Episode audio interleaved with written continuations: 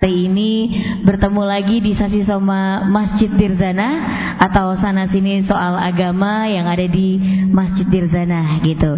Uh, untuk yang di luar yang sedang jalan-jalan di Malioboro, silakan untuk bergabung bersama kami di sini karena memang ada pengajian rutin setiap Selasa sore.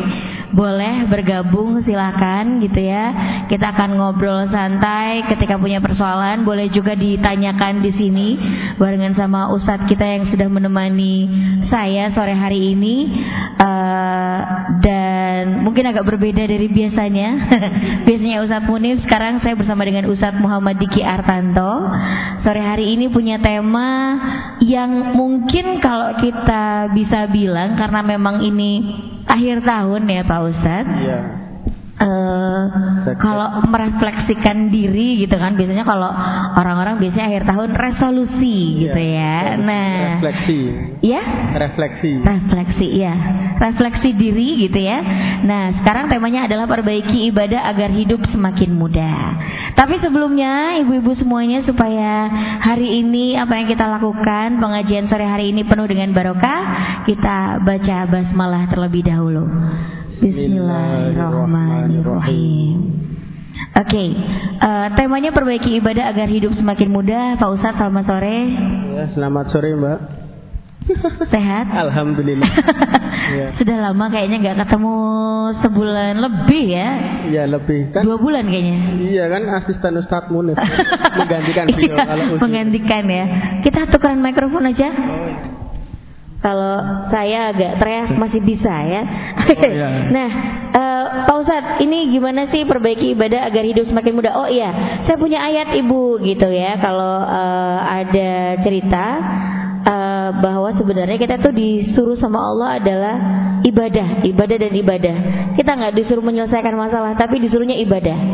Suruhnya sholat dan sabar. Nah, ini dia ada di surat Az-Zariyat uh, 56. Yeah dan aku tidak menciptakan jin dan manusia melainkan supaya mereka beribadah kepadaku. Nah, ini Pak Ustaz. Perbaiki ibadah agar hidup semakin mudah. Sesuai kan ya temanya ya. sama surat itu? Ya, Assalamualaikum warahmatullahi wabarakatuh. Kok jawabnya lemes Bu Ibu? Puasa sih. Halo. Iya loh, lemes loh mau tahun baru. Assalamualaikum warahmatullahi wabarakatuh. Waalaikumsalam warahmatullahi wabarakatuh. Alhamdulillahi rabbil alamin wa bihi nasta'inu ala umuri dunya waddin wa salatu wassalamu ala asyrafil anbiya'i wal mursalin sayyidina wa maulana Muhammadin wa ala alihi wa ashabihi ajmain. Alhamdulillah segala puji bagi Allah Subhanahu wa taala yang telah memberikan limpahan rahmat karunia-Nya pada kita semuanya. Selanjutnya salam dan salawat semoga tetap terlimpahkan kepada Nabi Agung Muhammad Sallallahu Alaihi Wasallam. Tentu kita sebagai umatnya merindukan syafaat beliau dan mudah-mudahan kita semua pantas untuk memperoleh syafaatnya. Amin Allahumma amin. Ibu-ibu sekalian.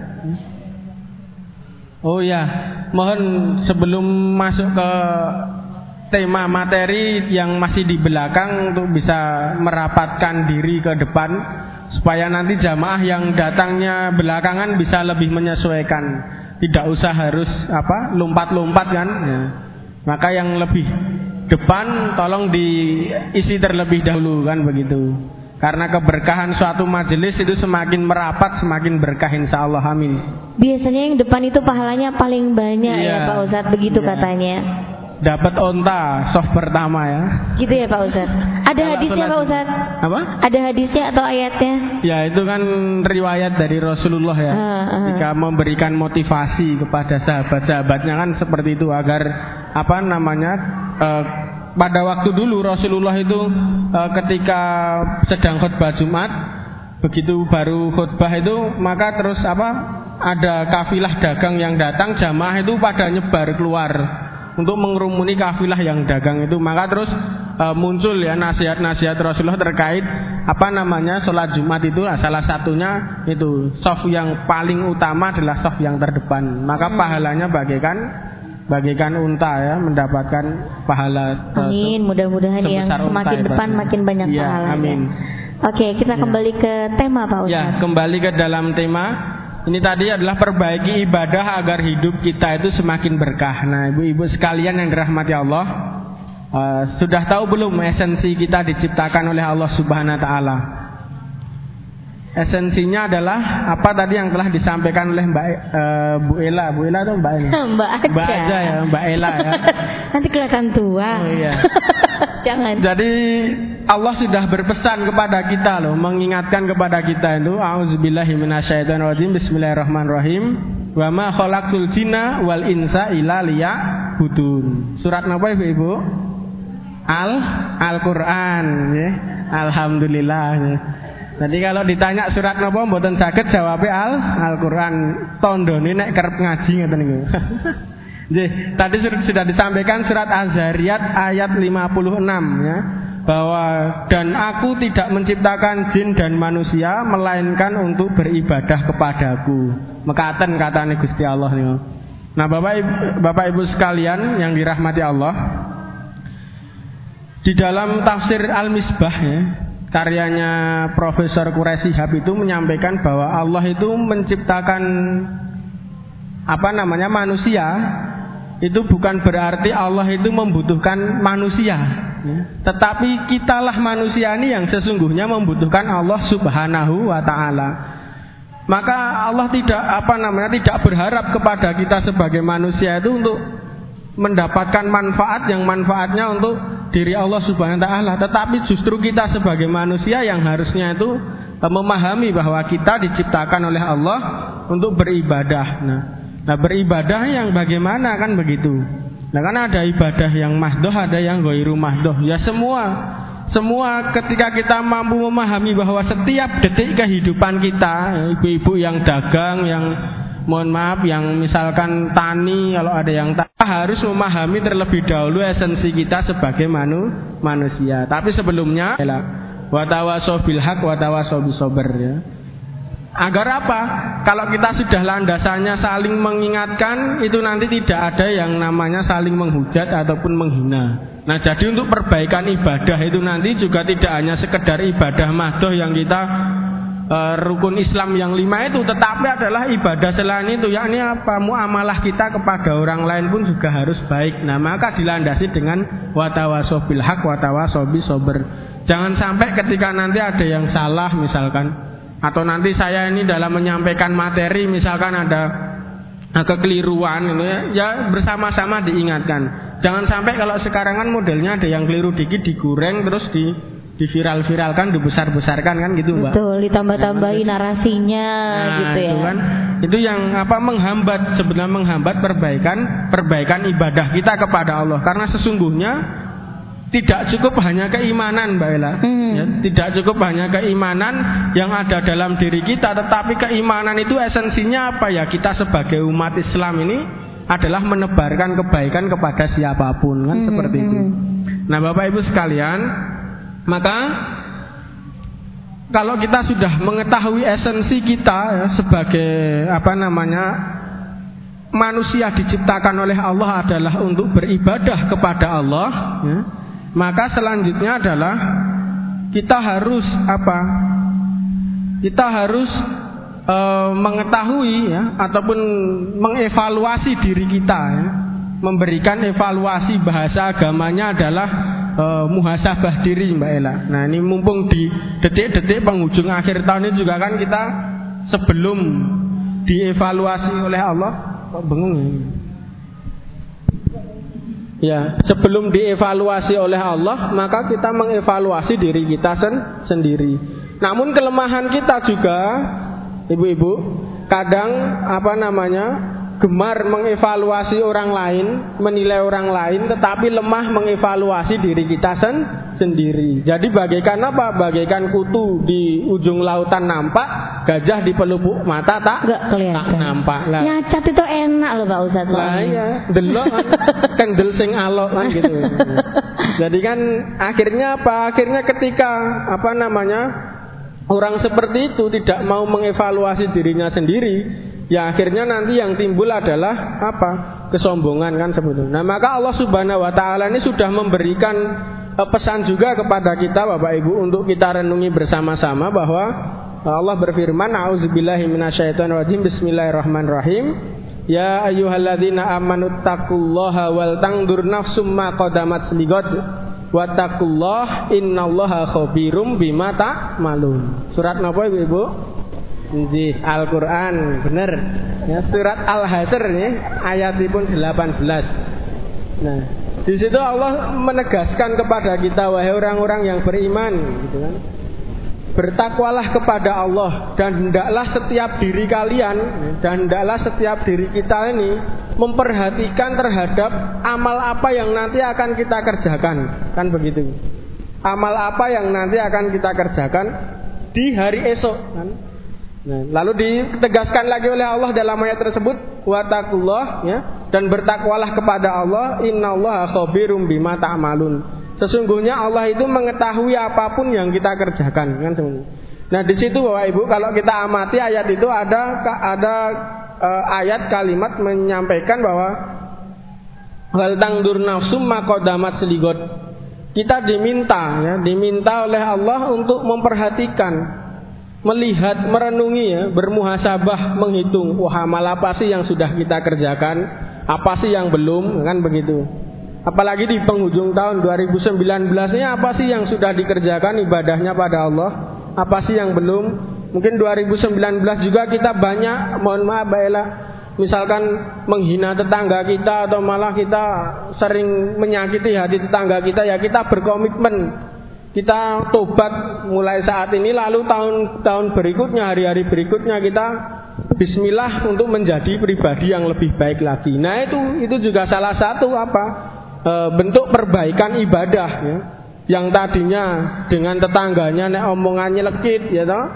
Suka mengatakan saya didoakan ya, ya Rasulullah ternak saya ini nanti bisa menjadi beranak pinak saya bisa menjadi peternak yang sukses. Didoakan oleh Rasulullah. Ya sudah tahu sendiri doa Rasulullah itu selalu mustajabah, ya, diijabah oleh Allah. Betul orang yang minta itu sukses. Tapi ketika sukses dia sudah tidak lagi mau datang ke majelisnya Rasulullah, nggak mau datang ke masjid untuk beribadah. Nah akhirnya apa? Bisa jadi kekayaan yang ada itu menjadi musibah bagi kita, juga bisa jadi menjadi berkah. Ya.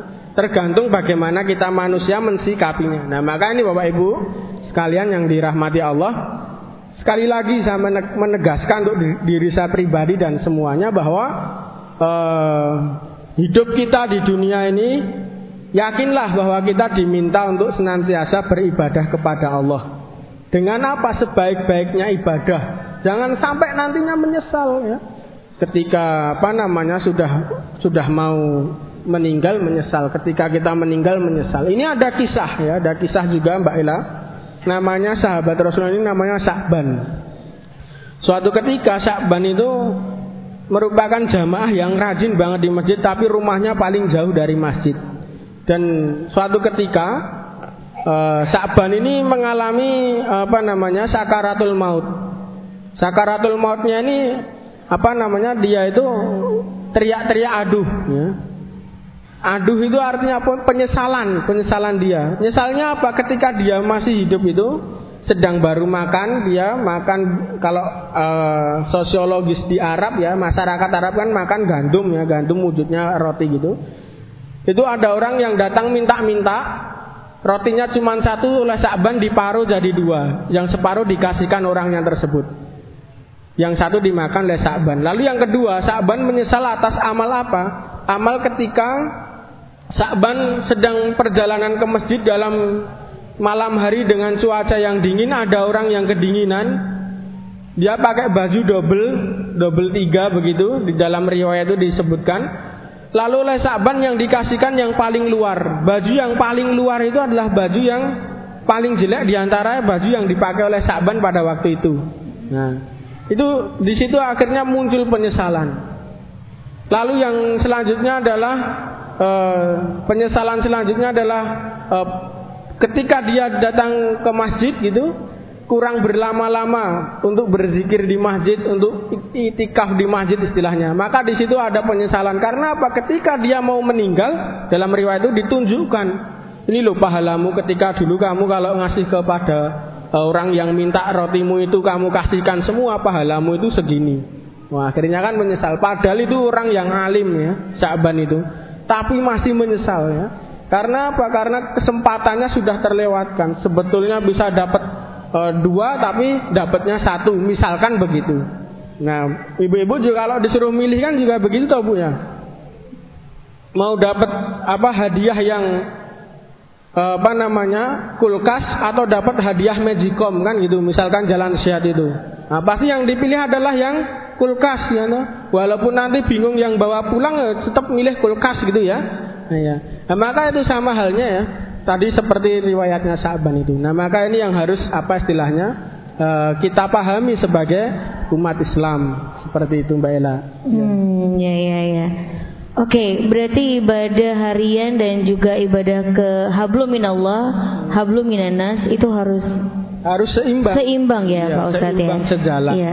Tapi kadang-kadang kadang-kadang memang susah loh untuk mengikhlaskan sesuatu yang kita suka gitu. Ya untuk orang lain gitu dan uh, kita juga karena kan pahala itu bentuknya nggak nyata ya, ya Pak Ustadz ya. Iya pahala. Ya misalnya kayak tadi uh, membagi roti ya. gitu jadi dua karena dia masih mikirin dirinya sendiri gitu. Ya. Dia nggak berpikir tentang pahala yang hmm. tidak tampak nyata kecuali ya tadi kulkas sama apa gitu kan ya. itu bentuknya nyata gitu ya. ya. Tapi pahala itu nggak nyata Pak Ustadz. Ya. Nah apa namanya uh, kemudahan dari ibadah-ibadah yang mungkin tadi hablum minallah, hablum minanas itu akan seperti apa sih Pak Ustadz ketika kita memang mengikhlaskan diri untuk yeah. melakukan segala halnya untuk ibadah gitu. Yeah. Ya, maka e, ibu-ibu sekalian yang dirahmati Allah Subhanahu wa taala, kadang manusiawi ya, ketika kita itu mohon maaf mau menjalankan ibadah gitu kepada Allah gitu ya. Itu kadang-kadang masih masih hitung ya ini ibadah yang kaitannya dengan finansial, mohon maaf, infak misalkan. Ya, ibu-ibu, ini saya mau tanya nih. Ketika di sakunya ibu-ibu ada uang e, gambar Patimura. Berapa Bu Patimura? Seribu ya. Yang satunya adalah gambarnya Bapak Insinyur Soekarno dan Bung Hatta. Berapa itu Bu? Seratus. Seratus ya. ya. Ada kenceleng lewat yang masuk yang mana Bu? Patimura. Yang Patimura berarti kencelengnya masih perjuangan dong Patimura bawa pedangnya. Ya ini kadang sifat manusiawi kita dan itu dimaklumi juga oleh Allah Subhanahu wa taala. Maka Allah pemakluman Allah gimana?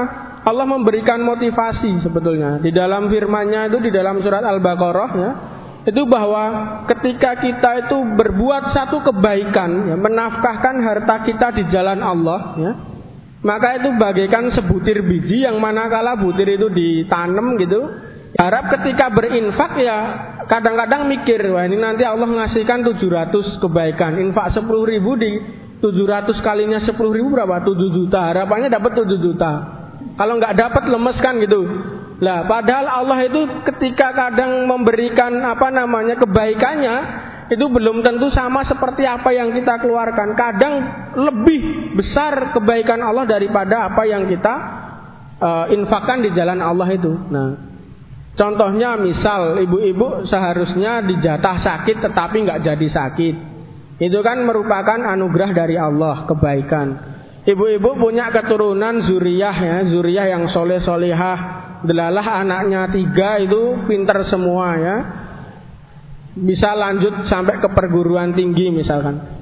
Dan anaknya nurut nurut semua. Nggak ada yang bandel kan gitu. Itu merupakan kebaikan dari Allah. Dan kadang ini kita sebagai manusia pun juga tidak menyadari akan hal itu.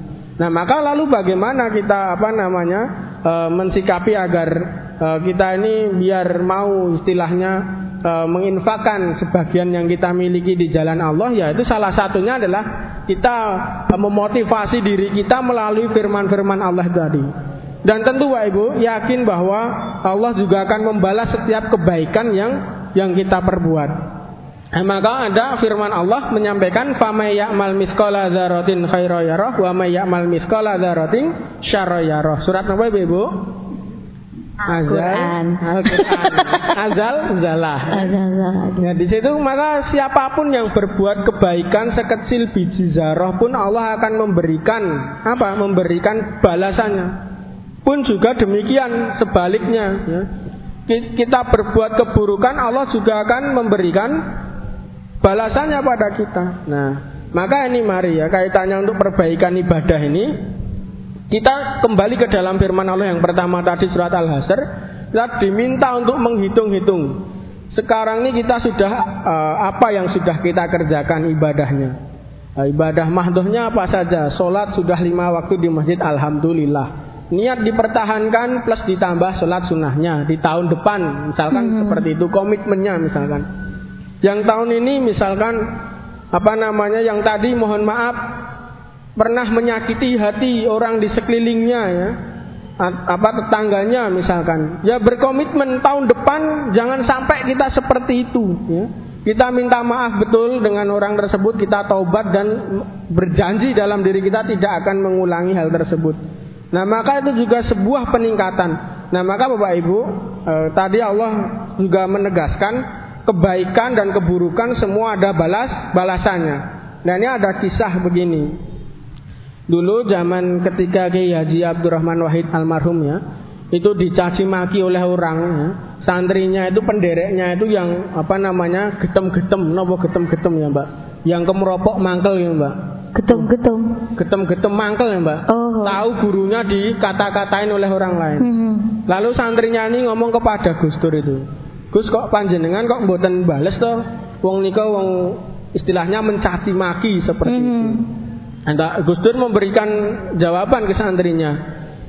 Gini loh ibaratnya, seandainya kamu itu diberi barang oleh orang lain, tetapi barang itu tidak kamu terima. Status barang itu akhirnya jadi miliknya siapa? Kan gitu.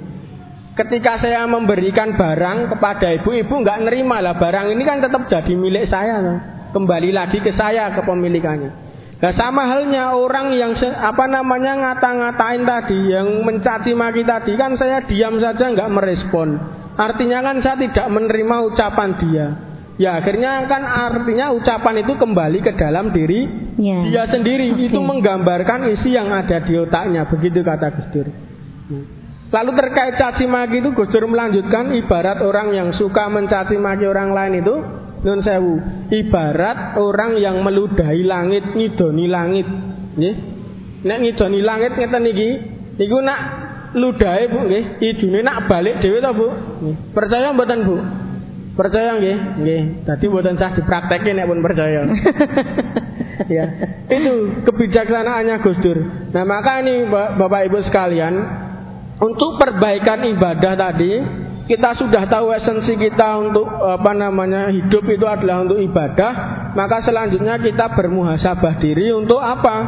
Untuk bersama-sama mempertahankan kualitas ibadah kita dan meningkatkan kuantitasnya di hari-hari berikutnya. Jangan sampai yang saat ini sudah apa namanya beribadah secara itu mahdoh tadi ya, e, ibadah secara mahdohnya tadi sudah baik, Jangan sampai terus ibadah yang lainnya termasuk sosialnya muamalahnya buruk ya. Karena tidak akan ada gunanya ya. Salatnya api tapi maksiatnya jalan hmm, gitu. ya. Namanya STM STMJ. Napa Bu? Salat terus, terus maksiat jalan kan. Tapi ada, hidupnya imbang ya, Pak Ustaz. Ya, itu cari pahala habis jadi pahala habis gitu. Kalau orang yang cerdas apa cerdik gitu, hidupnya imbang jadi nggak nggak jalan separuh gini kan. Baik terus kan Iya, abi, lumayan loh, Pak. Ya. Nol terus gitu kan lumayan ya. Mulai dari nol ya tiap hari tapi. Iya. Ya, ya kalau pas dia apa dapat kesempatan tobat. Kalau pas baru berbuat buruk terus dicabut Cabut, oh iya juga, sudah selesai ya. sudah kan gitu. Usia yeah. kan nggak ada yang tahu kan gitu. Okay, Maka yeah. kita diperintahkan untuk senantiasa zikrullah itu ya kaitannya supaya hmm. nanti hmm. Eh, syukur-syukur saat dipanggil oleh Allah dalam keadaan yang baik husnul khatimah itu tadi. Ya. Nah, ibu-ibu sekalian maka oleh karena itu uh, pernah ada apa namanya orang yang tanya, Mas itu loh Nun Sewu ini kaitannya dengan pejabat. Ada pejabat kok apa namanya Solatnya sregep ya, ngibadahe apik gitu. Tapi kok isih ya doyan korupsi gitu. Hmm. Nah, saya yang jawab juga agak nyelelek dikit Bu ya. Lah mungkin dulu saat TPA, ya saat TPA itu pas diulang ngaji sama ustadznya gitu, alif batak sak huruf sak ya. Nah, akhirnya ada impor apa sak dan sebagainya. Nah ini ini makanya Bapak Ibu uh, sholat itu tadi juga hal yang penting dan muamalah juga hal yang penting maka hablum minallah hablum minanas itu sesungguhnya esensi daripada syariat Allah diturunkan kepada kita. Pak Ustadz, tadi ya. saya jadi pengen tanya nih sedikitnya lah ya. Uh, tadi itu tadi misalnya ada pejabat yang uh, sholatnya bagus tapi korupsi dan lain-lainnya sama seperti ada di surat Al-Ankabut 45 gitu ya. sesungguhnya sholat itu mencegah dari perbuatan keji dan mungkar ya. kita sholat tapi kita masih ngerasani kita sholat kita masih nyolong ya. kita sholat kita masih menyakiti orang lain ya. kita sholat kita masih korupsi ya. kita sholat kita masih jahat gitu ya. kenapa uh, jadi apa yang salah gitu? Padahal di Quran ada mencegah ya. dari perbuatan keji dan mungkar. Yang salah apa deh? Nah, Selain nggak datang TPA tadi ya, Pak ya. Ustaz? Yang salah yang jelas gini kita sebagai umat Islam itu punya dua rukun. Ya. Yang pertama apa ibu? Rukun is Islam. Islam yang fundamental. Yang kedua adalah rukun e iman. Lah kebanyakan daripada kita ini mampu melaksanakan rukun Islam tetapi kurang mampu melaksanakan rukun iman kan begitu. Rukun Islam gimana? Sholat, sholat semuanya bisa lah ya, sholat ya. Syahadat semuanya mengucapkan syahadat ya. Terus apa puasa semuanya puasa, zakat yang mampu zakat, haji ya haji kan itu. Semuanya secara seremonial bisa ya. Tetapi secara memahami secara esensi dari ibadah yang Allah Subhanahu wa taala perintahkan kepada kita itu yang kaitannya dengan rukun iman itu tadi, maka masih banyak orang yang mensepelekan kan akhirnya gitu. Akhirnya walaupun sudah haji pun masih uh, mohon maaf perilakunya tidak mencerminkan dirinya itu seorang yang pernah pindah haji misalnya. Orang yang sholatnya sergup tadi disampaikan Inna sholatatan ha'anil fasai wal mungkar Benar sholat itu mencegah perbuatan keji dan mungkar. Tetapi kalau di dalam hati orang yang melaksanakan sholat itu Istilahnya dia belum benar-benar e, memahami betul ya Esensi dari sholat itu apa ya. Mana mungkin dia bisa apa namanya melaksanakan kegiatan merealisasikan kegiatannya itu sesuai dengan uh, ajaran agamanya itu kan seperti itu Mbak Ella. Jadi itu tergantung dari masing-masing orangnya itu sendiri. Jadi sholatnya iya. cuman sekedar syarat. Iya, bukan dipahami, dimaknai dengan benar gitu ya. Iya. Ya seperti itu Mbak kurang hmm. lebih. Jadi kan akhirnya banyak orang yang apa namanya dia itu sebetulnya paham itu tapi melanggar ya. Akhirnya ini yang yang menjadi juga renungan bagi kita ibu-ibu ya untuk perbaikan ibadah. Jangan sampai nanti ya di 2019 eh, ini sudah bagus, nanti di 2020 juga diupayakan lebih bagus lagi kan seperti itu iya, ibadahnya iya. ya. Maka itu esensi dari keimanan kita kepada Allah Subhanahu wa taala. Kan seperti itu. Ya, mungkin Mbak Ella ada lagi ya, apa namanya? Uh, kita lempar ke ibu-ibu aja. Uh, pertanyaan. Pertanyaan. Iya. Tapi sebelum masuk ini masih ada, ada apa? beberapa lagi ya. Terkait dengan perbaikan ibadah gitu. Ya. Itu setelah tadi kita yang pertama sudah mengetahui esensi kita sebagai manusia, maka selanjutnya adalah kita tadi lalu bermuhasabah diri, menghisap, menghitung diri kita. Maka pertanyaannya adalah caranya bagaimana sih bermuhasabah diri itu? Pastikan seperti itu. Nah, muhasabah diri itu, Ibu, kita itu merenung, ya, merenung dan kita menghitung-hitung perbuatan apa saja yang telah kita perbuat. Ketika ada perbuatan yang salah, maka kita bertaubat. Taubatnya gimana? Taubatan nasuha, ya kita bertobat mohon ampun pada Allah. Ketika ada orang lain yang tersakiti maka kita minta maaf, ya. Nah. Lalu kita berkomitmen untuk tidak melakukan perbuatan itu lagi. Ya. Maka ke depannya setelah itu kita lakukan kita berkomitmen betul. Kita harus menjaga apa yang telah kita komitmenkan tersebut. Nah maka itu cara bermuasabah yang apa namanya e, paling singkat. Karena uh, Sayyidina Umar menyampaikan ya, kita tuh diminta untuk bermuhasabah, menghisap diri kita sendiri, menghitung-hitung ya, menghitung-hitung kesalahan kita, dosa kita ya. Bukan pahala yang dihitung, tapi kesalahan kita kita hitung-hitung sebelum Allah Subhanahu wa taala itu menghisap kita ya. Jadi kita ini diberikan kesempatan untuk tobat oleh Allah sebelum nantinya kita terlambat. Kan istilahnya seperti itu. Nah maka inilah bermuhasabahnya.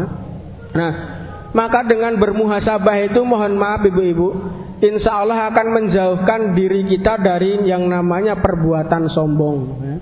Orang yang senantiasa bermuhasabah, orang yang senantiasa menilai dirinya sendiri, itu dia akan lebih terbuka hatinya untuk menerima apa namanya e, masukan dari orang lain misalkan ataupun juga apa namanya saran dari orang lain. Tetapi kalau orang yang tidak pernah menilai dirinya, dia sudah menganggap dirinya paling baik daripada orang lain, maka akan timbul yang namanya kesombongan. Dan kesombongan itu ada tiga level ya. Level yang pertama adalah sombong karena diberikan harta yang banyak. Mohon maaf nih, sering terjadi di lingkungan kita.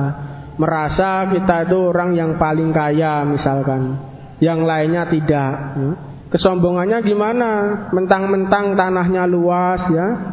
Terus ada pekarangan itu yang sudah berpuluhan tahun untuk untuk dibuat jalan tiba-tiba mentang-mentang karena itu tanahnya yang tadinya dibuat jalan ikut ditutup pakai pagar bumi di tembok itu Mbak Ella. Ini terjadi di masyarakat. Itu bentuk kesombongan. Lah kalau kita mohon maaf Bu Ibu, diberikan anugerah oleh Allah secara finansial berlaku sombong. Lah apa bedanya kita dengan dengan korun ya? ngertos korun? Orang yang kaya raya hidup di masa Fir'aun dan Nabi Musa ya. Ia diberikan anugerah kekayaan tetapi kekayaannya ternyata menjadi musibah. Akhirnya apa? Allah lenyapkan tenggelamkan di dalam perut bumi ya. Korun beserta harta kekayaannya itu Nah kalau ibu-ibu sering uh, apa dengar ada harta korun ya hartanya si karun itu ya. Nah. Lalu yang selanjutnya ibu-ibu sombong karena diberi kecerdasan. Nah, ini kadang-kadang juga ada ya. Orang-orang daripada kita itu merasa sombong di masyarakat karena wah aku ini sarjana kok master ya, profesor misalkan seperti itu. Lah kalau orang Islam sampai berlaku sombong seperti itu, itu apa bedanya dengan orang Yahudi kan gitu? Orang Yahudi itu dianugerahi oleh Allah Subhanahu wa taala kecerdasan yang luar biasa, tetapi untuk menerima kebenaran sulit banget. Ya. Orang kebenaran dari Allah saja ditolak. Ya. Padahal itu sudah benar-benar bukti yang nyata kata Allah. Tapi ditolak oleh mereka. Karena mereka apa? Mengandalkan rasionya. Ya. Tetapi kan kalau orang Jawa ya rasio ya a, hati. Jadi hati dan pikiran menyatu untuk menemui yang namanya kebe, kebenaran kan seperti itu. Nah maka ada pepatah Jawa itu kan menyampaikan ya, lamun siro pinter ojo min teri kan seperti itu. Nah maka seperti majelis sore hari ini saya juga berharap itu nggak ada yang menggurui dan tidak ada merasa yang di gurui. Maka semangat kita adalah watawasau bil hak watawasau bis sober kan seperti itu. Nah, juga sebagaimana e, nasihat dari e, Kanjeng Sultan Hamengkubuwono IX ya, bahwa beliau menasihati apa? E, waktu itu adalah rakyat Indonesia, sak, khususnya orang Jogja, orang Jawa, sak dhuwur-dhuwure sinau awake dhewe tetep wong Jawa diumpamake kacang kang ora ninggal lanjaran marang bumi sing lairke tansah ke kelingan. Maka itu jangan sampai anugerah Allah itu menjadikan kita menjadi orang yang sombong. Nah, level kesombongan ketiga yang apa? Yaitu adalah karena telah berbuat baik. Nah ini. Kadang-kadang kan kita juga agak apa namanya ketika mampu membantu orang lain agak wah kayak kayaknya jadi pahlawan gitu kan. Contoh begini, ada tetangganya mau buka usaha pinjam modal ya.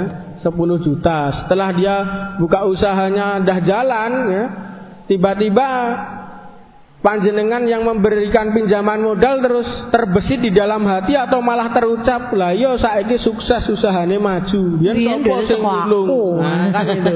Nah, ini akhirnya sifat manusia itu kadang-kadang e, merasa ya bahwa e, keakuan itu kan lebih lebih tinggi kadang ya ananiah seperti itu.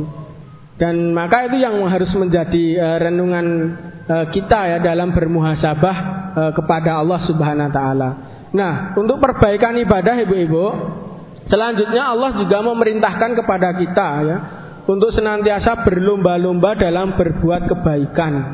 Itu sudah tertuang di dalam firman Allah surat Al-Baqarah 148 bahwa di situ ada kalimat fastabikul khairat ya. Maka kita diperintahkan oleh Allah untuk berlomba-lomba dalam berbuat kebaikan ya. Berlomba-lomba di sini adalah ibaratnya bersaing ya, bersaing tetapi tentu bersaing yang sehat ya. Tidak tidak bersaing yang tidak bisa pahala kok dimanipulasi ya. Jadi kita bersaing yang sehat dengan apa? Iri melihat orang lain yang rajin ibadah agar kita rajin ibadah boleh atau tidak Bapak Ibu? Boleh ya. Wah, kok ibu kayak kok tahajudnya kok mempeng tuh. Kepengin ya akhirnya kita ikut-ikutan tahajud. Kok duhane apa itu? Kepingin akhirnya kita sholat duha. Dan kalaupun kita tidak bisa semuanya ibadah kita lakukan, ya, minimal setidak-tidaknya ada satu amalan yang kita itu rutin untuk melakukan. Yang nggak bisa tahajud gimana? Ya duhanya paling tidak. Yang tidak bisa duha gimana? Ya paling tidak tahajudnya kan gitu. Nah yang kalau belum bisa gimana ya mungkin kita bisa memperbanyak zikir kita setiap saat puasa kita, zakat kita, amalan yang lainnya. Jadi ada hal yang menonjol ya di situ. Ada hal yang menonjol yang mana eh, apa namanya itu menjadi nilai plus kita sebagai manusia di hadapan Allah Subhanahu wa taala. Nah, maka itu Bapak Ibu sekalian bahwa eh, bagaimana upaya kita perbaikan kita dalam eh, meningkatkan kualitas peribadatan kita kepada Allah Subhanahu wa taala Nah itu maka yang pertama tadi kita harus ketahui esensi kita sebagai manusia ya. yakni tidak lain tidak bukan adalah untuk mengabdi kepada Allah. Yang kedua bermuasabah, yang ketiga adalah fastabikul khairat, saling mempelopori untuk berbuat kebaikan ya. Nah, maka itu Mbak Ella. Jadi tiga hal itu yang mudah-mudahan bisa menjadi bekal Allah memberikan kemudahan kepada kita untuk menjadi pribadi-pribadi yang mampu meningkatkan kualitas dan juga kuantitas ibadah kita. Dan mudah-mudahan nanti ini juga e, menjadi bekal kita di hadapan Allah Subhanahu wa taala dengan sebaik-baik bekal tersebut. Mungkin begitu Mbak Ella ada yang mau ditambahkan? Enggak ada. Kita Enggak ada. buka pertanyaan aja ya, gitu karena setengah jam lagi. Pertanyaan. Jadi mungkin ibu-ibu ada yang pengen bertanya silahkan untuk uh, bertanya monggo ibu ada ada yang ingin bertanya? Silahkan monggo bu dipersilahkan. Ada? Gak ada. Oh ya. Assalamualaikum warahmatullahi wabarakatuh. Nama saya Ibu Siti Kowiyah Yang saya tanyakan nggak pernah sholat tapi suka sodako puasa. Suka memberi apa yang orang nggak punya. Itu apa dinamakan rukun iman ya? Sudah. Tapi nggak pernah sholat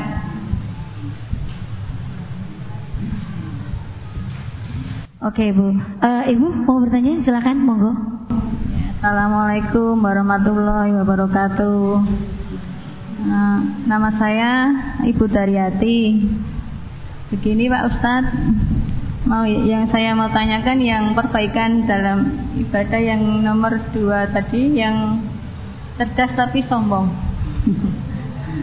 Saudara saya ada yang uh, dalam satu keluarga itu dia sendiri yang menonjol apa agak lebih apa banyak uangnya gitu loh.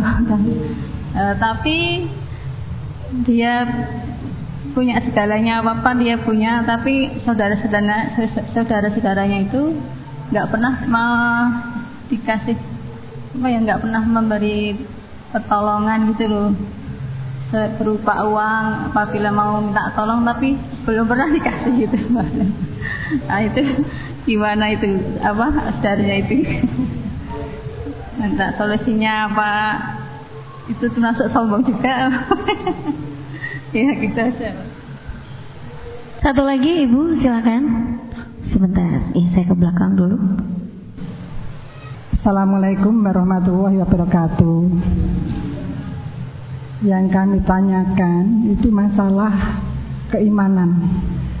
ada orang sejak kecil sampai dewasa itu Islam. Setelah dewasa dia itu murtad. Itu termasuk orang kafir atau termasuk sudah di luar agama Islam ya.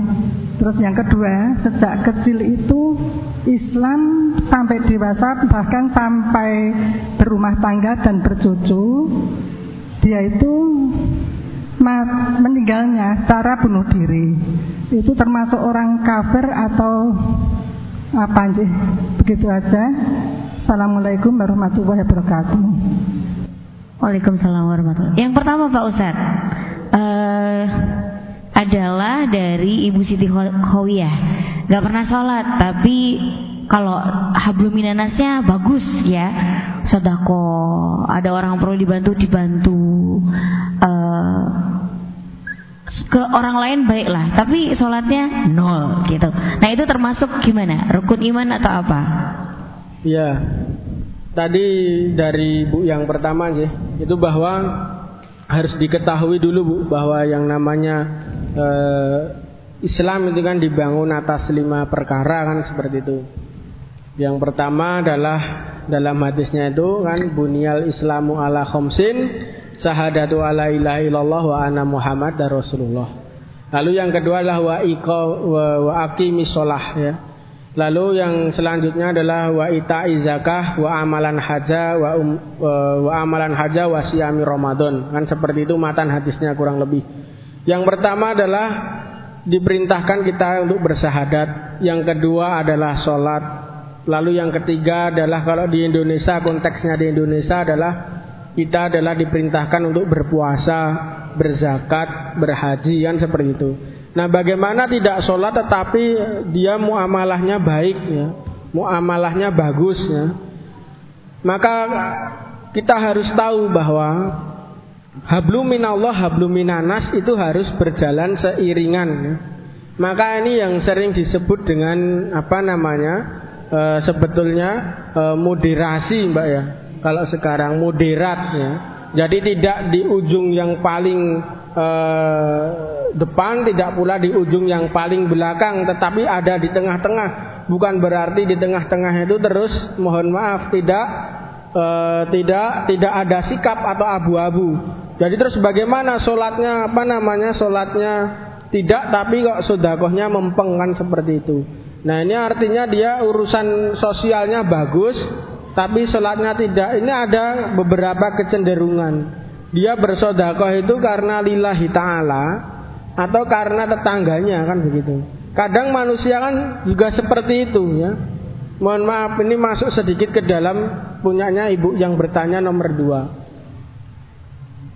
Orangnya kaya tetapi tidak memberikan bantuan kepada tetangganya saudara atau saudaranya, saudaranya. utamanya. Hmm. Tetapi mungkin dia rajin memberi bantuan ke orang lain. Nah itu sudah dapat diindikasikan bahwa itu kemungkinan besar ada rasa untuk dia kepingin di wah ya, oleh tanggoni, di alam oleh tetangganya kan seperti itu. Nah puasa jalan, tetapi sholat tidak. Nah maka urutannya ya urutannya yang rukun Islam itu rukun Islam ini kan adalah hal pondasi yang paling awal ya. Maka setidak-tidaknya rangkaian yang harus dijalankan itu kan harus urut kalau yang namanya rukun kan.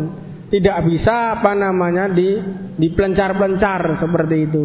Maka harus urut. Maka kalau rukun sholat itu kan juga harus urut.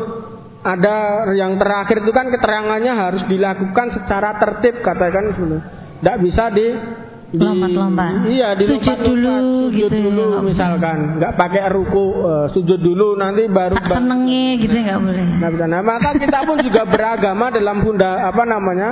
Eh, dalam berpondasi beragama rukun Islam pun juga harus apa namanya berurutan ya, berangkaian jadi begitu. Lah bagaimana apa namanya sosial kita berjalan baik tetapi hubungan kita dengan Tuhan kita tidak baik? Lalu bagaimana hubungan kita dengan Tuhan baik tetapi dengan sosial juga tidak baik itu tidak tidak dibenarkan dalam Islam. Maka uh, tadi kita sebagai orang Islam itu harus mampu apa namanya bisa uh, menjalankan uh, keseluruhannya sebagai konsekuensi kita ber, beragama Islam. Nah, maka oleh karena itu ibu-ibu, ini menjadi penting bagi kita kita perhatikan bersama-sama jangan sampai nantinya kita melaksanakan uh, rukun Islam itu uh, tidak bisa apa? Kalau tidak bisa sempurna, mungkin Allah Subhanahu wa taala sudah memiliki takaran masing-masing untuk hambanya. Tetapi kalau tidak runtut seperti itu, nah itu yang menjadi pertanyaannya. Mengapa kok tidak runtut? Kan rukun Islam kan bagikan kita kalau lima kan memegang seperti ini ya. Sahadat kita jalankan ya. Sholat kita jalankan lalu ada apa puasa, ada zakat, ada haji syukur-syukur dijalankan kan ini bisa kepegang. Nah kalau ini tidak kalau ini tidak dijalankan dengan sebaik-baiknya protol semua ini apa bisa kepegang kan ibaratnya kan seperti itu. Nah maka itu mungkin Mbak Ella yang apa namanya empatnya gini empatnya dijalanin gitu ya. Iya. Tapi sholatnya enggak susah ya, Iya. kangelan ya. Iya, kangelan juga. Jatuh ya. Kan gitu. Ya bisa sih. Analoginya gitu kan. Tapi kan wagu, Mbak. Gitu. Jadi ini hablum minallah hablum minanas harus berjalan karena esensi dari Allah menurunkan syariatnya di dunia adalah untuk itu, Pak Ibu. Kita tidak hanya kepada Allah saja tetapi sesungguhnya Islam itu rahmatan lil alamin. Hmm, hmm, hmm, hmm. Iya. Oke, itu gimana berarti eh, untuk saudaranya itu ya mungkin ada tendensi ya ketika dari pertanyaan ibu dari Yati itu ketika saudaranya yang eh, cerdas punya uang cukup banyak gitu tapi kok bantu saudara nggak mau gitu. Itu ada tendensi mungkin kalau ketika dia membantu orang lain mungkin ada tendensi yang berbeda ya kalau sama saudaranya gitu kenapa tidak mau membantu atau kita perlu menasehati atau bagaimana kira-kira itu Pak Ustadz Ya, ya itu sudah tidak masuk kategori sombong saja, Bu. Cuman itu juga sudah medit, Bu ya. Nah, orang yang medit kan seperti itu. Dia diberikan kemampuan lebih, tetapi ketika ada saudaranya yang tidak mampu, tidak mau memba- membantu kan gitu. Nah, maka Allah Subhanahu wa taala pun juga demikian, Mbak ya, mem- memberikan apa namanya? eh, solusi kepada kita. Kalau kita itu mampu untuk bersedekah, yang harus disedekahi dulu adalah karib kerabat kita dulu. Pun dengan berzakat juga seperti itu. Ya. Kita bantu dulu karib saudara kita yang mana yang membutuhkan. Baru kalau sudah tidak ada kita sedekahkan keluar kan seperti itu. Nah, tetapi kalau misalkan saudaranya itu masih ada yang membutuhkan kok nggak dibantu tapi dia jor-joran di luar lah ini betul tadi ada tendensi apa kan gitu. Seperti itu. Apalagi kalau misalkan ada pembangunan-pembangunan ya sergep banget ya pembangunan masjid misalkan satu paket 100 ribu ya. Ada tetangganya yang apa namanya nyumbang 10 paket. Dia terus apa namanya pengen diwah nggak mau kalah ya saya ambil 20 paket misalnya 2 juta biar dianggap paling orang yang paling dermawan orang yang paling kaya Kadang-kadang juga seperti itu Bu, tendensi ya. Jadi ada unsur-unsur lain yang itu membuat dia mungkin tidak mau berbagi terhadap saudaranya. Tetapi itu tidak lagi kategori orang yang sombong saja, tapi juga juga medit itu tadi Bu ya, pelit ya. Medit bin pokil seperti itu Bu ya. Nah, seperti maka ini yang perlu apa istilahnya e, menjadi renungan bagi kita. Jangan sampai nantinya ketika kita itu diberikan apa namanya kelebihan oleh Allah sampai-sampai kita melupakan yang lainnya kan seperti itu. Kelebihan apa pun itu ya. Minimal ya sodakoh lah bu ya. Sodakoh kan tidak harus mengeluarkan barang mbak Ela. Senyum pun juga sodakoh. Nah maka kotak infak itu namanya bukan kotak sodakoh kujur takmirnya mbak kalau namanya sodakoh Dia infak ya bukan nanti disenyumin Disenyumin aja. saya udah ibadah loh gitu loh Betul, ya untuk, pembangunan masjid ya malah disenyumin aja kan ya. setiap orang datang senyum setor senyum gitu Maka bener kota infak lah kota infak bukan kota kotak sodako. sedekah iya iya iya benar juga ya Iya. oh iya iya. itu karena itu ya nggak pernah ada tulisannya kotak sodako iya iya iya Iya loh mbak. Iya. iya, saya baru kepikiran loh itu. Oke, eh, dari Ibu Siti Baroro ini ada pertanyaan. Kalau ada orang sejak kecil sampai dengan besar Islam, Iya. Terus waktu besar eh, berpindah agama disebut murtad. Iya. Atau itu eh, itu gimana? Terus sejak kecil Islam, terus eh, sampai besar juga, tapi meninggal bunuh diri. Itu berarti dua pertanyaan yang berbeda ya Pak Ustadz ya?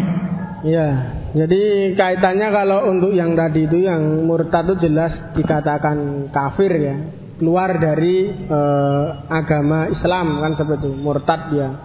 Tidak mengimani lagi terhadap Allah Subhanahu wa taala. Nah, bagaimana ya?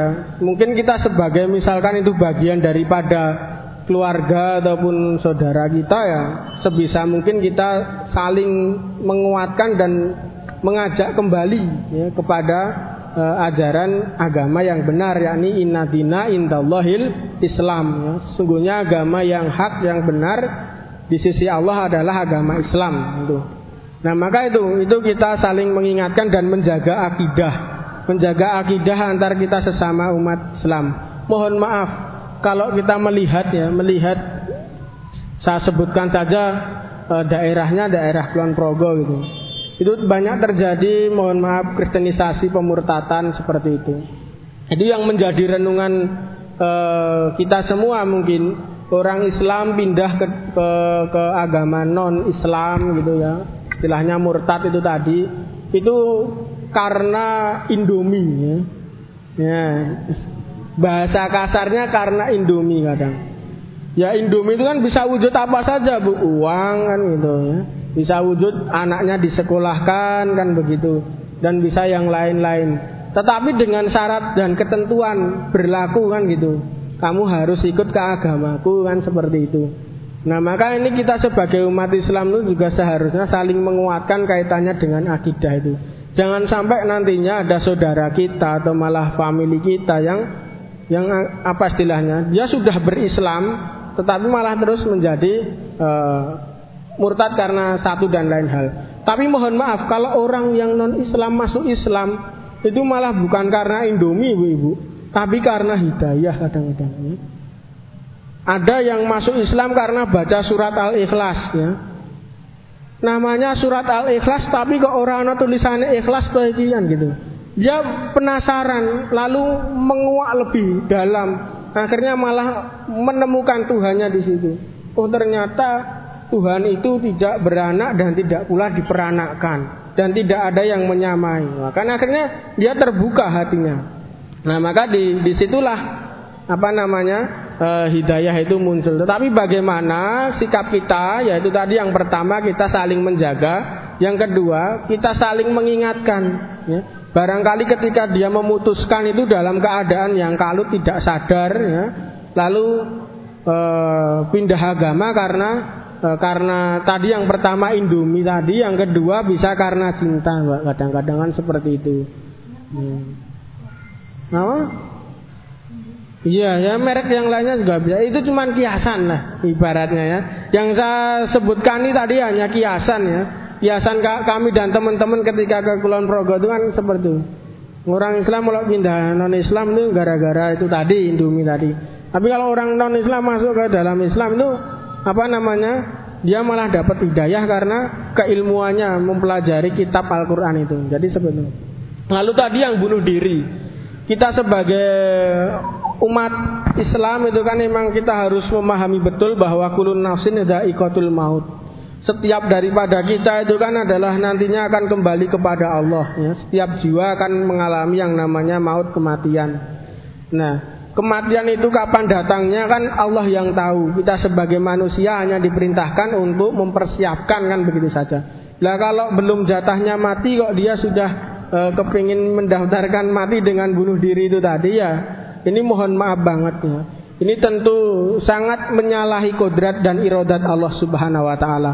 Bahkan ada apa namanya riwayat dan juga ulama yang dulu eh, memberikan pengetahuannya langsung kepada kami ya bahwa orang yang matinya bunuh diri itu tidak perlu disolatkan kalau dia beragama Islam seperti itu Mbak.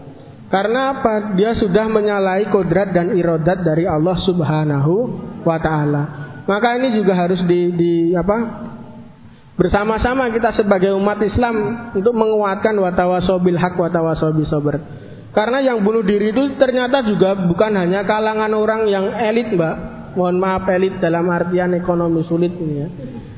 Tidak hanya karena itu, tidak hanya karena beban pikiran, tetapi malah akademisi pun juga ada yang bunuh diri. Ya. Sudah hampir profesor itu ada yang bunuh diri ya. Maka ini ini ternyata bunuh diri itu apa namanya?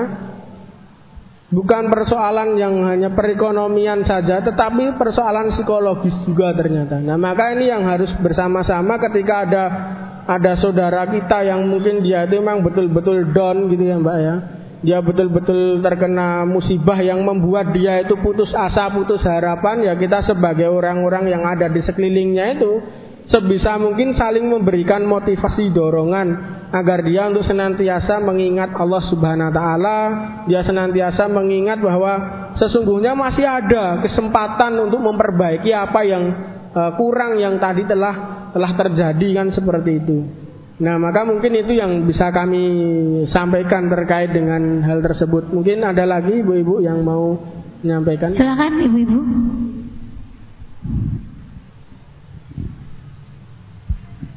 Assalamualaikum warahmatullahi wabarakatuh. Nama saya Dini. Dini. Pertanyaan pertama, apa indikator keberhasilan muhasabah diri? Terus yang kedua, cara kita uh, menghindari gibah tips-tipsnya.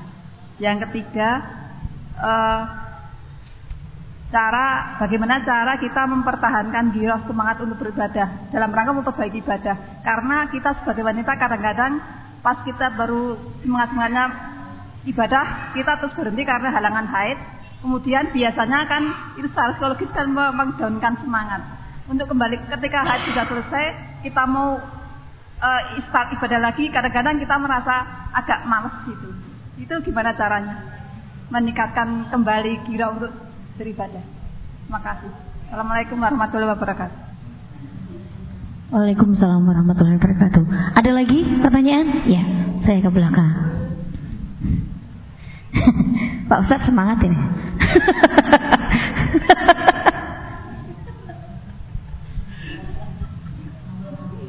Uh, terima kasih. Yang pertama saya menanyakan bagaimana bisa fokus dalam beribadah supaya tidak memikirkan hal-hal yang lain. Yang pertama, lalu yang kedua, ini kan besok adalah hari hari rayanya orang non Muslim. Kalau kita sering bertemu dengan uh, sesama ya eh, mohon maaf bertemu dengan yang non Muslim itu katanya tidak boleh mengucapkan selamat Natal. Itu apakah ada hukum atau mungkin ada hadisnya? Terima kasih. Assalamualaikum warahmatullahi wabarakatuh.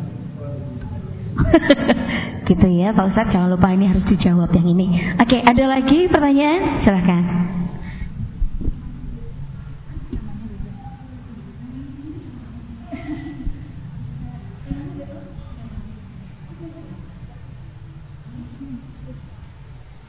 Ya, Assalamualaikum warahmatullahi wabarakatuh. Waalaikumsalam warahmatullahi wabarakatuh. Jadi begini Pak Ustadz, kan saya kan zaman sekarang itu emang lagi ngehitsnya LGBT dan di daerah yang saya tempati juga di sana sudah ada komunitasnya malah. Jadi Jadi menurut pandangan Pak Ustadz agar kita sebagai orang biasa pertama agar tidak tertular bagaimana yang kedua bagaimana cara kita mengajak mereka untuk uh, kembali ke ke kodrat kita masing-masing seperti perempuan harusnya menyukai laki-laki dan laki-laki harus menyukai perempuan seperti itu. Terima kasih. Oke, okay. makasih ya Mbak Rizka.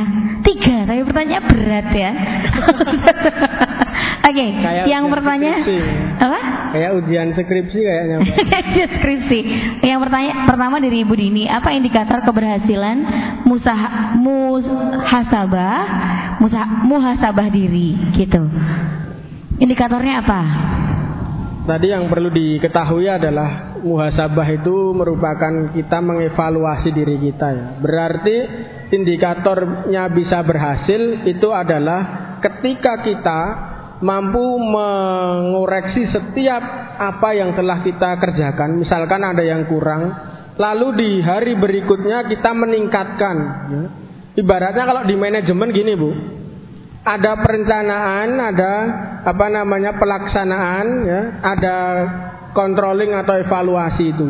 Nah, ketika kita itu mengevaluasi di akhir tahun ini misalkan, wah ini yang kurang Lalu kekurangan itu masuk ke dalam angan-angan kita menjadi perencanaan sesuk kudu iso luwih apik sekombangane hari ini. Nah, maka apa namanya? E, lalu kita berusaha untuk mewujudkannya. Nah, maka itu fa insya Allah itu merupakan salah satu indikator untuk meraih keberhasilannya itu. Nah, ini ada sebuah asar ya. Asar dari Sayyidina Ali itu menyampaikan bahwa siapa pun orangnya yang hari ini ya apa namanya lebih buruk daripada hari kemarin itu kan termasuk orang-orang yang terlaknat. Hari ini apa sama saja hari kemarin termasuk orang-orang yang merugi. Tetapi kalau hari ini adalah dia lebih baik daripada hari kemarin itu termasuk orang-orang yang beruntung. Maka itu indikatornya sesungguhnya. Ketika perbaikan ibadah itu ya, perbaikan ibadah itu kita sudah melakukan evaluasi lalu dalam evaluasi masuk ke dalam angan-angan kita atau bahasa manajemennya adalah perencanaan itu lalu kita realisasikan dan terwujud dan lebih baik lah itulah keberhasilannya di situ maka untuk ibadah gimana ya tadi? Misalkan sudah lima waktu di masjid kaitannya dengan ibadah mahdoh sholat misalkan. Lima waktu di masjid sudah baik selama tahun 2019 kita komitmen yang lima waktu ini kita jaga sampai nanti ya, sampai nanti akhir hayat kita. Dan 2020 ditambah dengan ibadah sunnahnya misalkan. Seperti tadi kan seperti itu misalkan tahajud duha atau sholat qobliyah ba'diyah dan sebagainya itu nah maka dengan begitu itu akan menjadi e, indikasi bahwa muhasabah kita berhasil. Tetapi kalau malah justru menurun atau malah stagnan ya, sama saja kayak kemarin. Ya baru stagnan saja sudah dikatakan oleh e, Sayyidina Ali orang yang merugi apalagi itu malah mengalami kemunduran termasuk orang-orang yang terlaknat nauzubillah summa nauzubillah. Maka indikasinya ya lebih baik daripada sebelumnya Bu, indikatornya itu. Lalu tadi yang kedua apa Mbak? Yang kedua adalah tips menghindari kibah. Nah ini paling Gibah, ya. oh, tadi. susah kalau buat ibunya ya. Iya. Gibah ini majelis gibah ini bu. Ini kalau zaman dulu kan. Seru ya itu gimana dong? Apalagi kumpul sama tetangga. Berangkat, berangkat ke masjid gitu, terus Iya. akhirnya ngeluntung sajadah. Kalau ibu-ibu ya Nengok kanan gitu ya. Ngeluntung apa rukuhnya jalan ke mengurangi bicara kita yang tidak bermanfaat. Hmm. Maka kan ada sebuah hadis menyampaikan kalau kita nggak bisa bicara yang baik maka lebih baik diam. Nah kan seperti itu. Nah ini kadang-kadang kita juga sebagai manusia mungkin juga termasuk saya juga kadang tidak bisa ya. Terus apa namanya kalau ketemu orang lain itu terus tidak ngobrol terus yang diobrolkan tuh paling tidak ya kabeh-kabeh diomongke lah gitu mbak. Nah, tapi bagaimana kita sebagai manusia ini ya meminimalisir ya sebagai umat Islam? Jangan sampai kita menjadi ahli gibah karena sudah sudah tahu ya bahwasanya orang yang suka gibah itu kan dosanya ya kita ingat-ingat dosanya aja seperti orang memakan bangkai saudaranya sendiri. Tapi seru Pak. Ya itu karena Misalnya yang, nih ya yang dari namanya mau ke dari masjid, itu iya, ya, maka oh dari kita- masjid jalan gitu ya, terus Iya. kalau si anu ora tau neng masjid loh, padahal main cerak banget gitu. Nah itu tuh kita tuh, ya iya iya pernah tak? Iya. itu ya ampun dari ini tapi ya ampun yang rene ora tahu ngono. Nah kita tuh sebagai tetangga yang baik itu gimana Pak Ustaz? Jadi diam aja. Jadi kayak oh ya ya ya. Ya. Oh masa? Oh iya toh. Oh gitu. Padahal mungkin kita ngebumbuin bisa ya. Kak, lebih dengerin begitu. Gitu aja nggak apa-apa. baik au au gitu aja. Oh, iya, gitu iya. loh, ya. Gitu, Nggak Bu, ya. Bisa gitu ya. nggak Usah bumboni. Gitu. Nah, sekarang ini kan Uh, gawatnya, gawatnya kan orang suka bumboni. Amangnya sayur datang itu sayur gitu. Udah ngeruyuk kabeh ya. Ternyata di situ malah menjadi majelis hibah. Ya, yang menjadi hostnya siapa tukang sayurnya itu mbak? Loh, tapi kalau misalnya nih ada ibu-ibu ngomong terus eh, kita tahu ada beberapa fakta terus kita menceritakannya gitu supaya orang itu tahu gitu misalnya eh, mungkin in- entah baik entah buruk kita tuh di, dikatakan gibah nggak sih Pak Ustadz? Ya kalau itu adalah kaitannya untuk apa namanya informasi sekedar informasi kita tidak membumbu-bumbui ya ya. Cuman sekilas informasi gitu saja ya. Nggak apa-apa. Nggak masalah. Tapi kan yang parahnya kan terus wah iya kayak ngono. Soalnya aku ya tahu ngerti kok kan ben ya ngono. Nah, gitu. nah ini yang terus akhirnya melebar ke mana-mana ya. Nah itu yang tidak diperbolehkan itu. Cara menghindarinya ya tadi kalau kita tidak bisa bicara yang baik, lebih baik diam. Begitu kata Rasulullah. Oke, okay, gitu ya. Hmm. Wah, nggak jadi deh gosip habis ini. Oke. Okay. Terus uh, gimana menstabilkan ibadah atau uh, giroh untuk ibadah? Kadang-kadang kalau perempuan itu memang kendalanya di menstruasi ya bu ya. Saya tuh dua minggu pak Ustadz gitu. Tuh ya ampun itu rasanya wes kepenak itu loh. Bangun siang gitu bebas jalan-jalan nggak pakai ke masjid ya. Uh, uh, bedak tetap awet nggak kena air gitu. Nah setelah setelah mulai sholat lagi gitu terus lewat. Kadang-kadang suka ya. begitu ya ibu ya. Nah, itu, itu gimana Pak Ustadz ya? Wanita yang ya, dikasih libur. Tapi bagaimanapun kita juga tetap harus ketika sudah selesai ya kembali kepada apa yang telah Allah perintahkan kepada kita. Lah gimana cara membangkitkan lagi girohnya kan gitu. Ya kita harus apa namanya e, memberikan komitmen dalam diri kita kan gitu. Kalau memberikan apa namanya komitmen itu artinya kita memberikan paksaan kepada diri kita lebih baik dipaksa masuk surga daripada sukarela masuk neraka kan gitu. Kita harus ingatkan seperti itu ibu-ibu. Tadi sih Pak Ustadz. Jadi lebih baik dipaksa ya. Karena ibadah itu kan kata Ustadz Munif juga harus dipaksa. Kalau nggak dipaksa kita manusia ini memang kodratnya liha-liha ya. Santai. Kode apa mbak ini mbak? Kode ya ini. Santai loh yang dibawa loh. ya. Belum ini jadi, belum selesai. Jadi seperti itu ya. Jadi kita harus dipaksa betul ya untuk menghadap pada Allah karena memang sifat manusia kadang-kadang seperti itu. Maka iman itu kan kadang naik, kadang turun, fluktuatif. Enggak mungkin ya. Karena kita ini manusia, bukan jin, bukan pula malaikat, tetapi kita ada di antara mereka. Ya. Kalau apa namanya kita kita iblis ya, itu enggak bakal taat pada Allah. Pun kalau kita malaikat, kita akan menjadi manusia yang selalu taat pada Allah. Dan padahal kita itu diciptakan bukan dari unsur kedua itu ya. Maka ada kalanya manusia itu ada e, mensifati sifatnya malaikat, pas taat ya taat banget. Tapi ada kalanya kemasukan sifat iblis itu ya, kadang-kadang lupa. Ya. Makanya itu iman menjadi naik turun. Itu menjadi apa ujian bagi kita sebagai manusia, kan seperti itu. Jadi komitmennya harus di kuatkan lagi bahwa ada perintah dan kewajiban yang lebih esensi kita sebagai manusia yakni beribadah dalam setiap detik kehidupan kita seperti itu. Oke. Okay.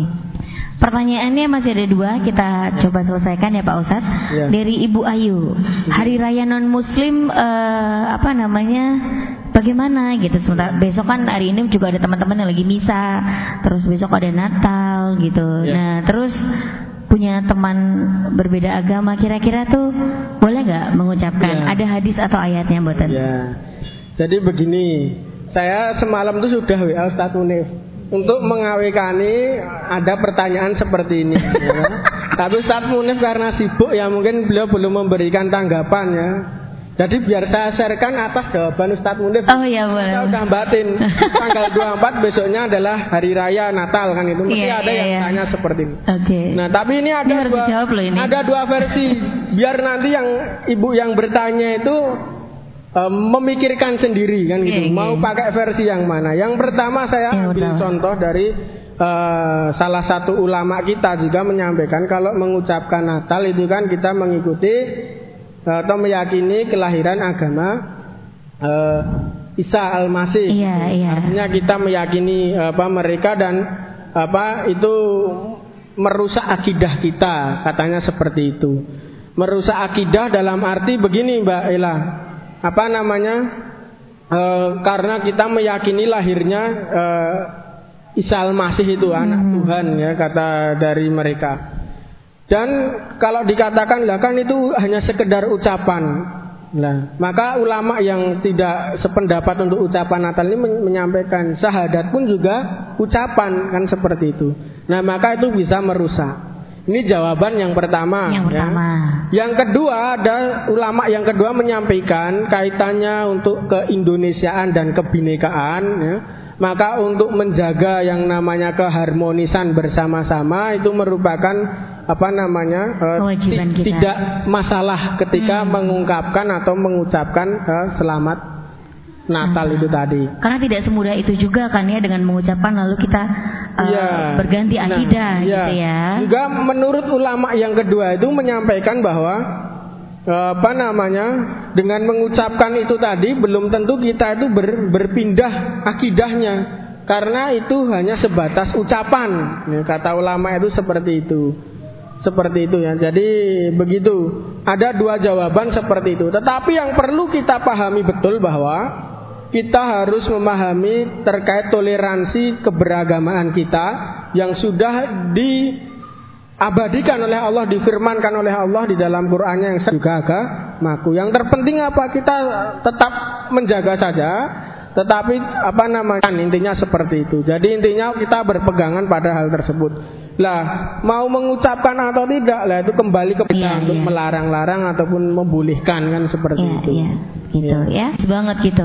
Kalau nggak bencong nggak keren gitu. Hmm, ya. atau ya terus karena sakit hati dengan LGBT terus ini disuruh gimana nih oh LGBT nah oh saya deg-degan ya terus agak angel ya.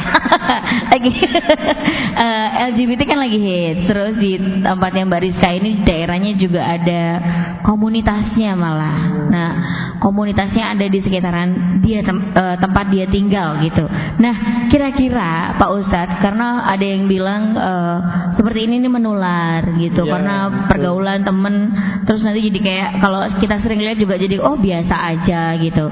Ya. Nah bagaimana supaya biar gak tertular? Terus yang kedua adalah bagaimana uh, ketika kita mungkin itu adalah salah satunya di antaranya teman kita uh, bagaimana untuk mengajaknya kembali?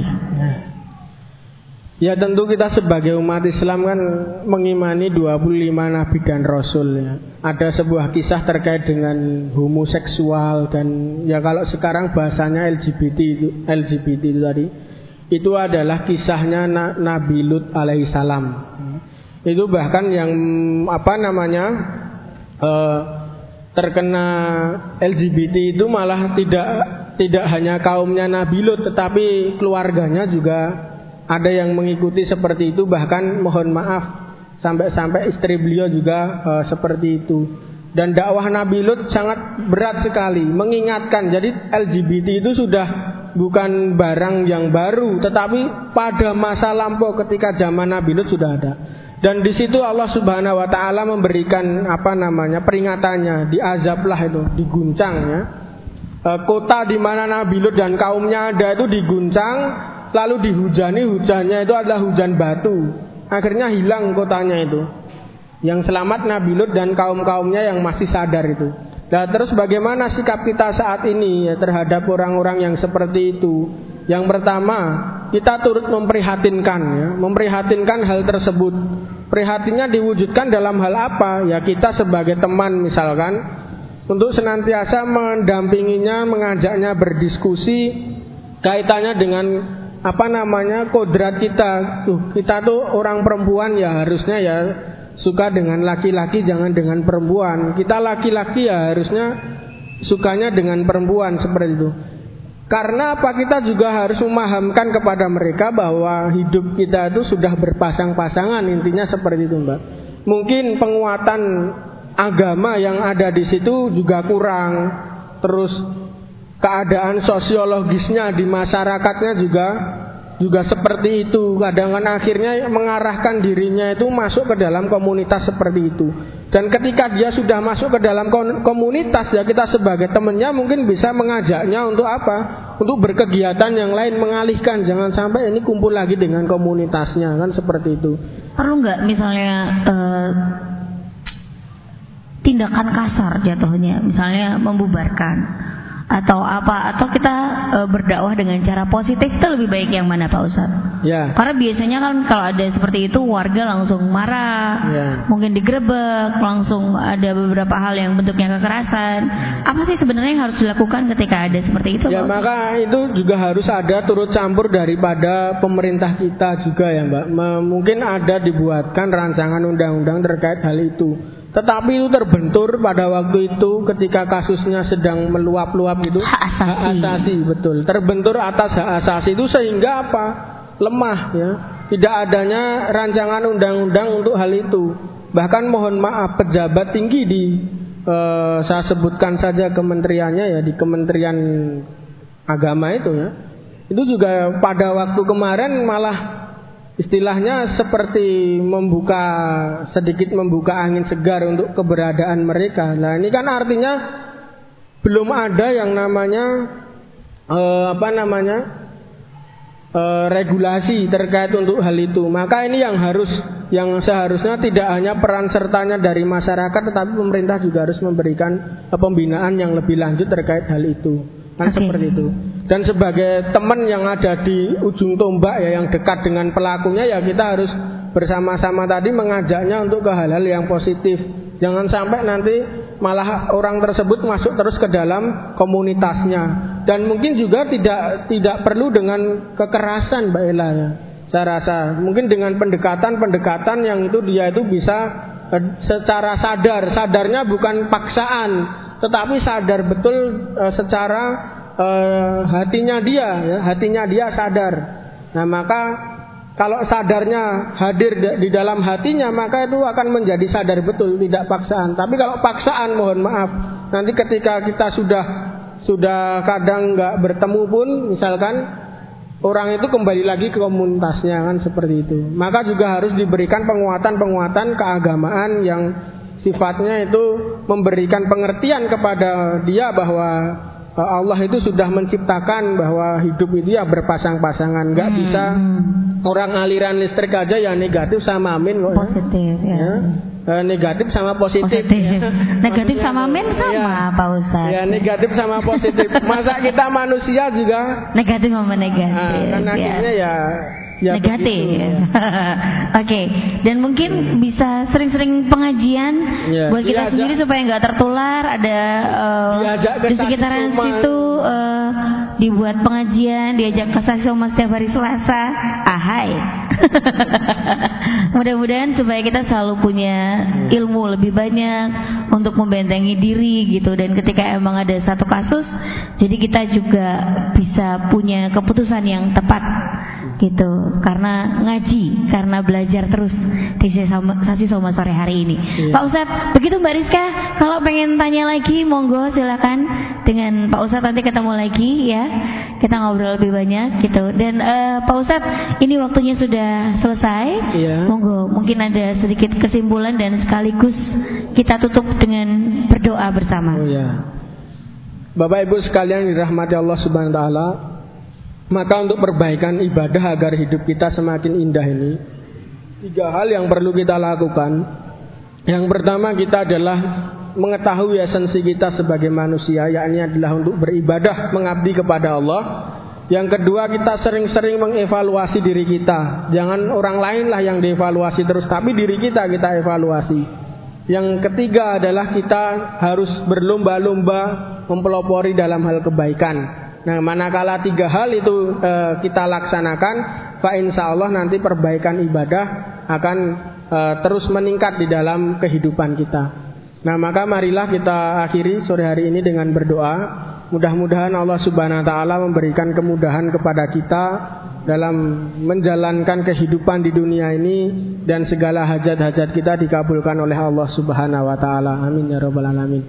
Inna Allah wa malaikatahu yusalluna ala nabi Ya ayuhalladzina amanu sallu alaihi wa sallimu taslima Allahumma salli ala sayyidina Muhammad wa ala alihi wa sahbihi ajmain Allahumma gfir lil muslimina wal muslimat wal mu'minina wal mu'minat al ahya'i minhum wal amwat innaka sami'un qaribu mujibu da'wat ya qadiyal hajat. Allahumma inna nas'alukal huda wa tuqa wal afafa wal ghina. Allahumma inna nas'aluka ridhaka wal jannah wa na'udzubika min sakhatika wan nar. Rabbi auzi'ni an ashkura nikmataka allati an'amta alayya wa ala walidayya wa ana amalan salihan tardahu wa adkhilni bi rahmatika fi ibadika salihin. Allahumma a'inni ala dzikrika wa syukrika wa husni ibadatik. Allahumma sahil umurana umurad dunya wal akhirah wa hasil maqasidana maqasidad dunya wal akhirah. Rabbana atina fid dunya hasanah wa fil akhirati hasanah wa qina adzabannar. Wa sallallahu ala sayyidina Muhammad wa ala alihi wa sahbihi wa sallim. Istajib doana ya rabbal alamin bi rahmatika ya arhamar rahimin. Amin ya rabbal alamin. Bapak Ibu sekalian jika ada benarnya dari Allah jika ada salahnya dari saya pribadi maka mohon dimaafkan yang sebesar-besarnya demikian wallahu alam bisawab Wassalamualaikum warahmatullahi wabarakatuh. Saya kembalikan kepada Mbak Ila. Oke, okay. terima kasih Pak Ustadz. Hari ini sudah menggantikan Ustadz Munif. Mudah-mudahan kita punya kesempatan untuk belajar bersama lagi dengan uh, Ustadz Tiki, ya. Oke, okay, terima kasih Ibu-ibu sudah hadir sore hari ini. Insya Allah minggu depan uh, kita juga ada sesi soma, tapi kita mulainya lebih malam ya Ibu. Jadi sorenya tidak ada. Kita mulainya uh, apa namanya? Karena memang tahun barunya pas ya. Jadi kita maghriban di sini sama-sama nanti kita akan uh, baca Yasin, baca uh, Al-Kahfi kalau bisa bawa Quran, bisa bawa Quran uh, yang bentuknya Quran atau pakai handphone juga membuat nopo-nopo. Nanti kita sholat uh, Isya bersama-sama, lalu ada makan dulu, nanti ngaji. Nah, nanti ada hadiah juga, ada uh, stand up komedian, ada berdoa bersama. Jadi saya harapkan kehadiran Bapak Ibu semuanya untuk datang. Da, tapi ngomong-ngomong hadiahnya untuk Ibu Daryati, Ibu Siti Baroroh dan Ibu Dini. Monggo untuk mengambil hadiah. Sini lagi Bu.